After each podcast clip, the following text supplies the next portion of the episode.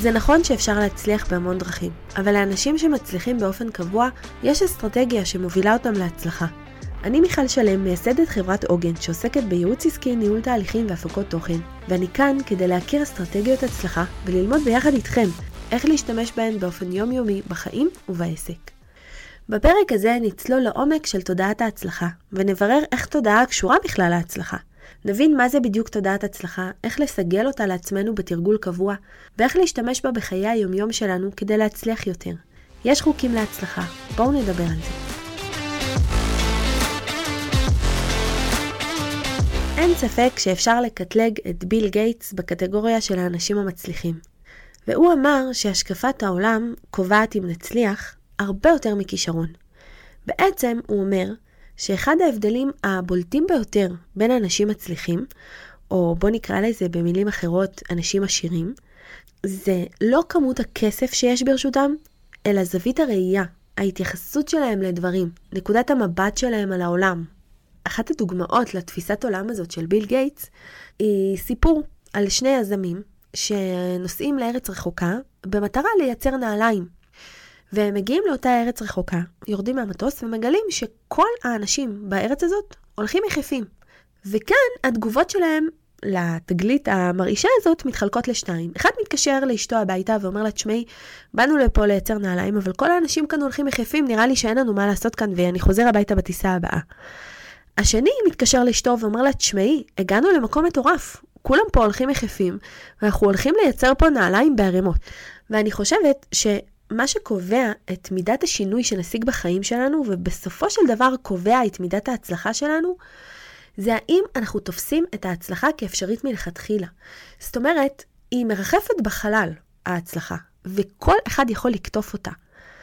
מתי מתחילה הבעיה? כשאנחנו לא מאמינים שאנחנו יכולים לקטוף אותה, שאנחנו לא מספיק גבוהים, או שיש לנו יותר מדי מתחרים שישיגו אותה לפנינו, ולא יישאר לנו. זאת אומרת, עד כמה אנחנו מאמינים שזה אפשרי בשבילנו.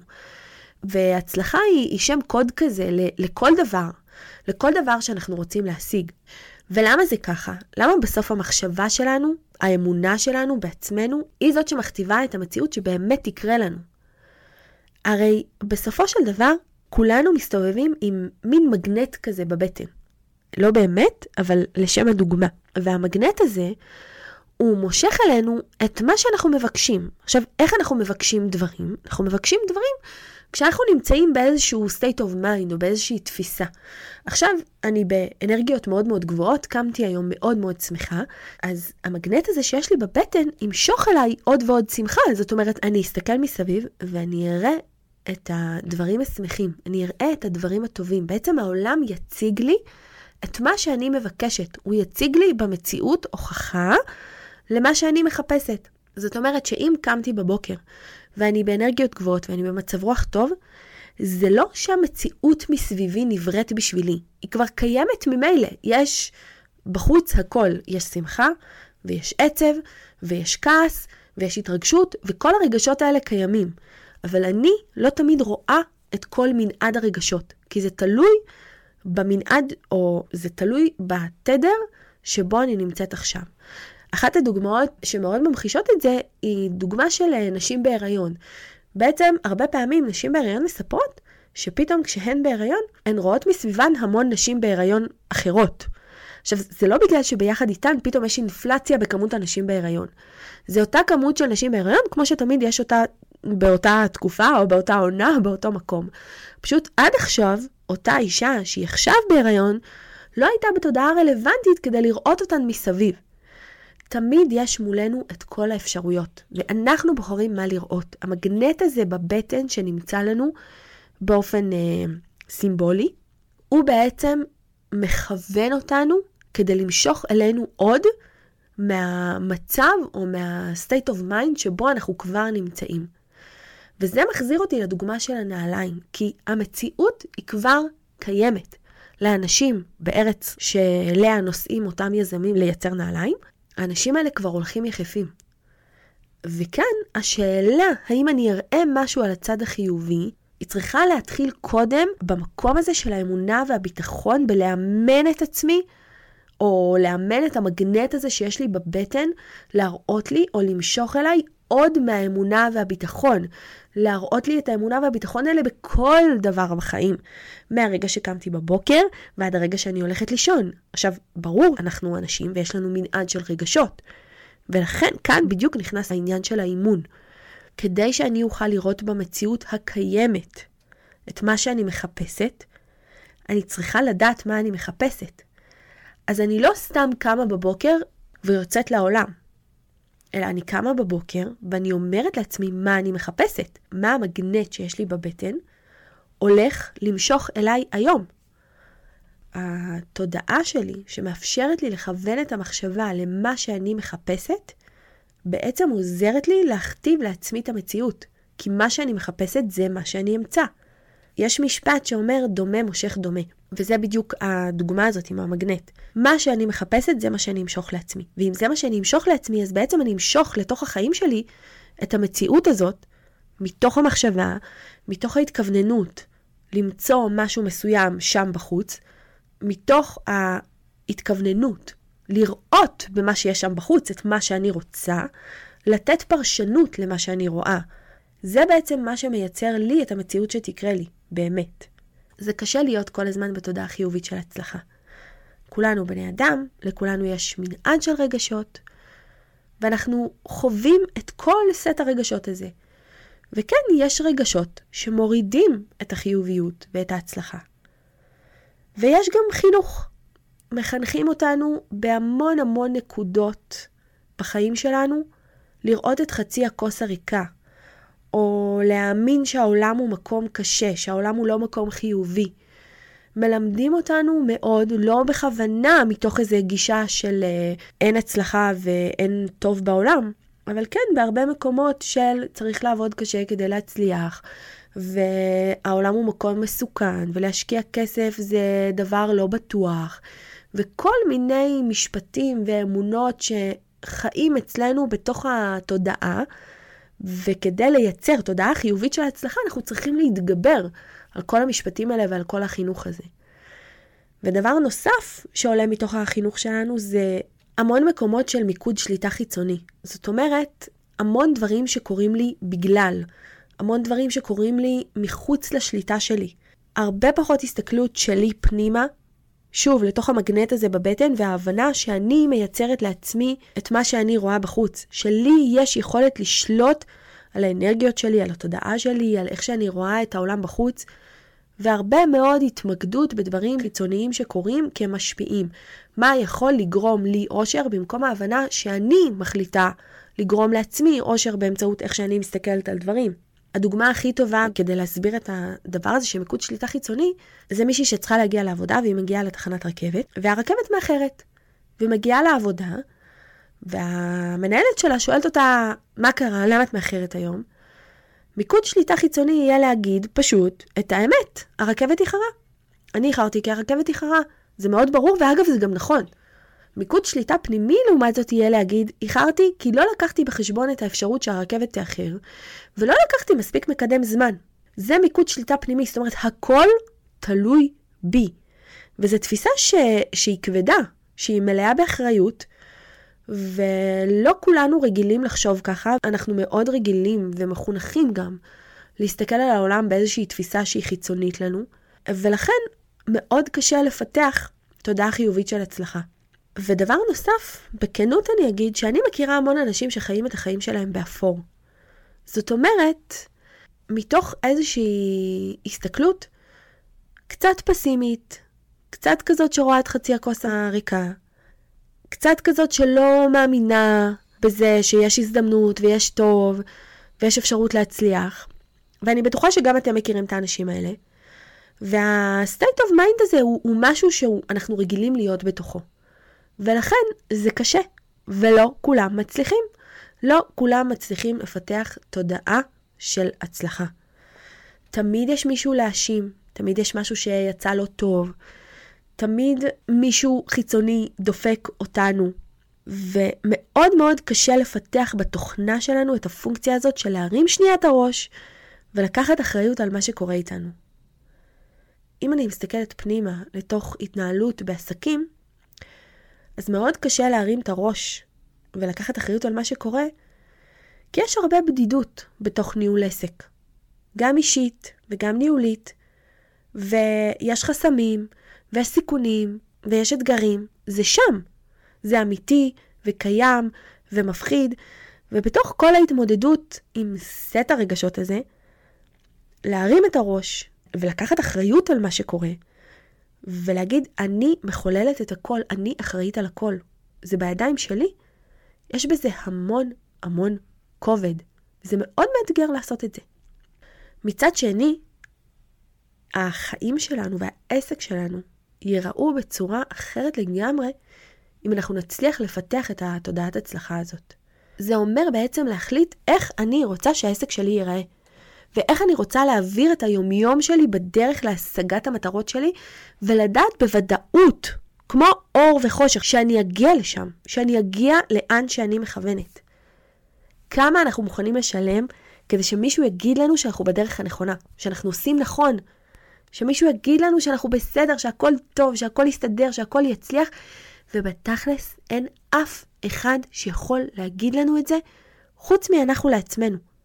יש את העסקים האלה שמעיזים ומתרחבים, אלה שעושים את זה חכם. חלקם נתקלים בשוק קשוח, בקשיי מימון ותזרים, והם מוצאים פתרונות לכל הבעיות, כי פשוט ברור להם שהם הולכים להצליח, זה מוטמע בתוך התוכנה שלהם. והתודעה בעסק פוגשת אותנו בכל מיני מקומות.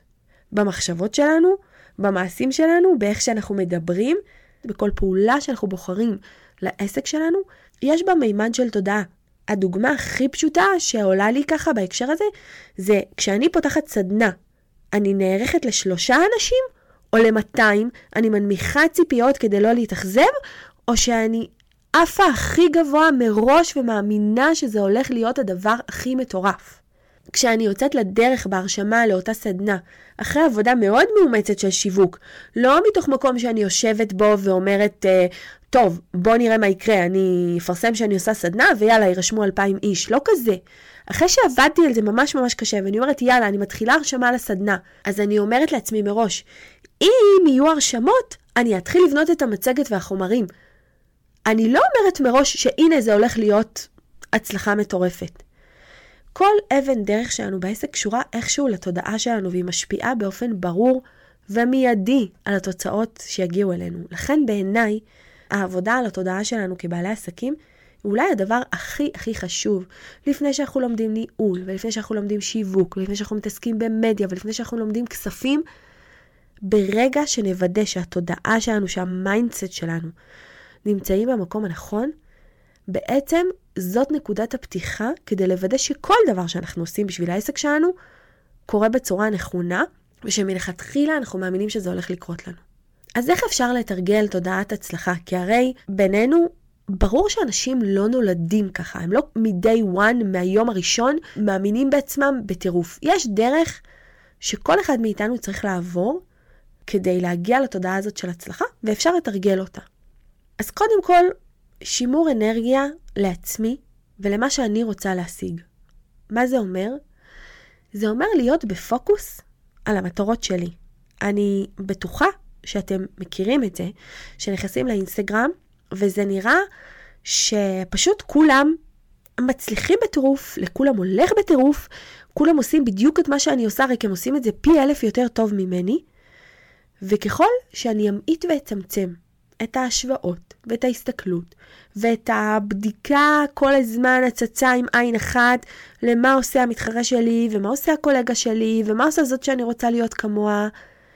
פשוט להתמקד ולשמר את האנרגיה שלי למה שאני רוצה להשיג ולמה שאני רוצה להיות. ואפשר לעשות את זה בהמון דרכים אגב. למשל, אני קוראת לזה לא להתחיל יום עם חובות. לא לקום בבוקר ולהתחיל להוציא אנרגיה על מיילים ווואטסאפים, ואיך שאני מתעוררת, ישר לפתוח את הטלפון. להתחיל בוקר עם מה אני רוצה שיקרה היום, ואחר כך מה אחרים רוצים ממני. להגיד במילים פשוטות שני דברים שאני רוצה שיקרו היום. ואחר כך כל השאר. ואחר כך מה רוצים ממני, ואחר כך כל מה שקורה מסביב. לכוון את ה mind שלי למי שאני ולמה שאני רוצה להיות. דבר נוסף בתרגול של תודעת הצלחה, זה להיות בהכרת תודה. זה נשמע דבר ממש פשוט, או משפט כזה ניו אייג'י מתפלצן, אבל יש משהו בהכרת תודה שמכוון מיד למקום חיובי. בואו נתרגל שנייה בקטנה את הדבר הזה. אני אגיד לכם לחייך חיוך ענק. תחייכו רגע, מכל הלב. חיוך כזה, עם העיניים. ותוך כדי החיוך, עכשיו, ממש הרגע, תחשבו על משהו רע. ממש רע. אי אפשר. המוח לא נותן לנו. כי בהכרת תודה, כשאני קמה בבוקר, ואיך שאני פותחת את העיניים, אני אומרת חמישה דברים שאני מודה עליהם, אני מכוונת את המוח שלי למקום הטוב. ברגע הזה אני לא יכולה להכניס שום דבר רע או שלילי. אם אנחנו מדברים על המגנט הזה שיש לנו בבטן, אז זה מיד מכוון את המגנט שלנו לחיובי, לחפש את הדברים הטובים. אני מתחילה את הבוקר בידיעה שאני יוצאת לעולם ואני לובשת את המשקפיים שמחפשות את הדברים הטובים. כי ההכרת תודה חוסמת את האפשרות של הדברים השליליים להיכנס אליי ולהציף אותי בתחילת היום. אגב, לתרגל הכרת תודה גם לפני השינה זה דבר מעולה, כי זה מכוון את המוח שלנו להיכנס למצב של שינה עם ראייה חיובית. עוד דבר שאפשר לעשות כדי לתרגל תודעת הצלחה, זה להרגיש שיש לי שפע. ממש פיזית, להרגיש ביטחון כל הזמן. ולתרגל את ההרגשה הזאת כי היא לא קורית לבד. ההרגשה הזאת בראש תייצר לי את המציאות הזאת בחיים, היא תראה לי עוד ועוד מהביטחון והאושר שאני מרגישה. ואפשר לעשות את זה במלא דרכים. למשל, להסתובב עם כסף בארנק. תמיד 100-200 שקל, לא להיות במצב שאין לי. זה נשמע טיפשי, אבל יש משהו בתחושה הזאת שיש לי את השטר, היום אף אחד לא הולך עם ארנק, אז אפשר לדחוף אותו גם במגן של הטלפון, אבל כל הזמן יש לי כסף, אני אף פעם לא אתקע. עוד דבר ממש ממש חשוב, זה להעביר לעצמנו משכורת מהעסק. בין אם זה אלף שקלים או שלושים אלף שקלים, כל אחד ברמה שלו, אבל תמיד להעביר לעצמנו משכורת. עבדנו בעסק החודש והוא ישלם לנו על זה, יש לנו מספיק. ועוד דבר מדהים שמייצר את התחושה הזאת של הביטחון שיש לי מספיק, זה לתרום לצדקה. באופן קבוע, ולא בהוראת קבע ששגר ושכח כזה, אלא ממש אקטיבית. לא משנה הסכום.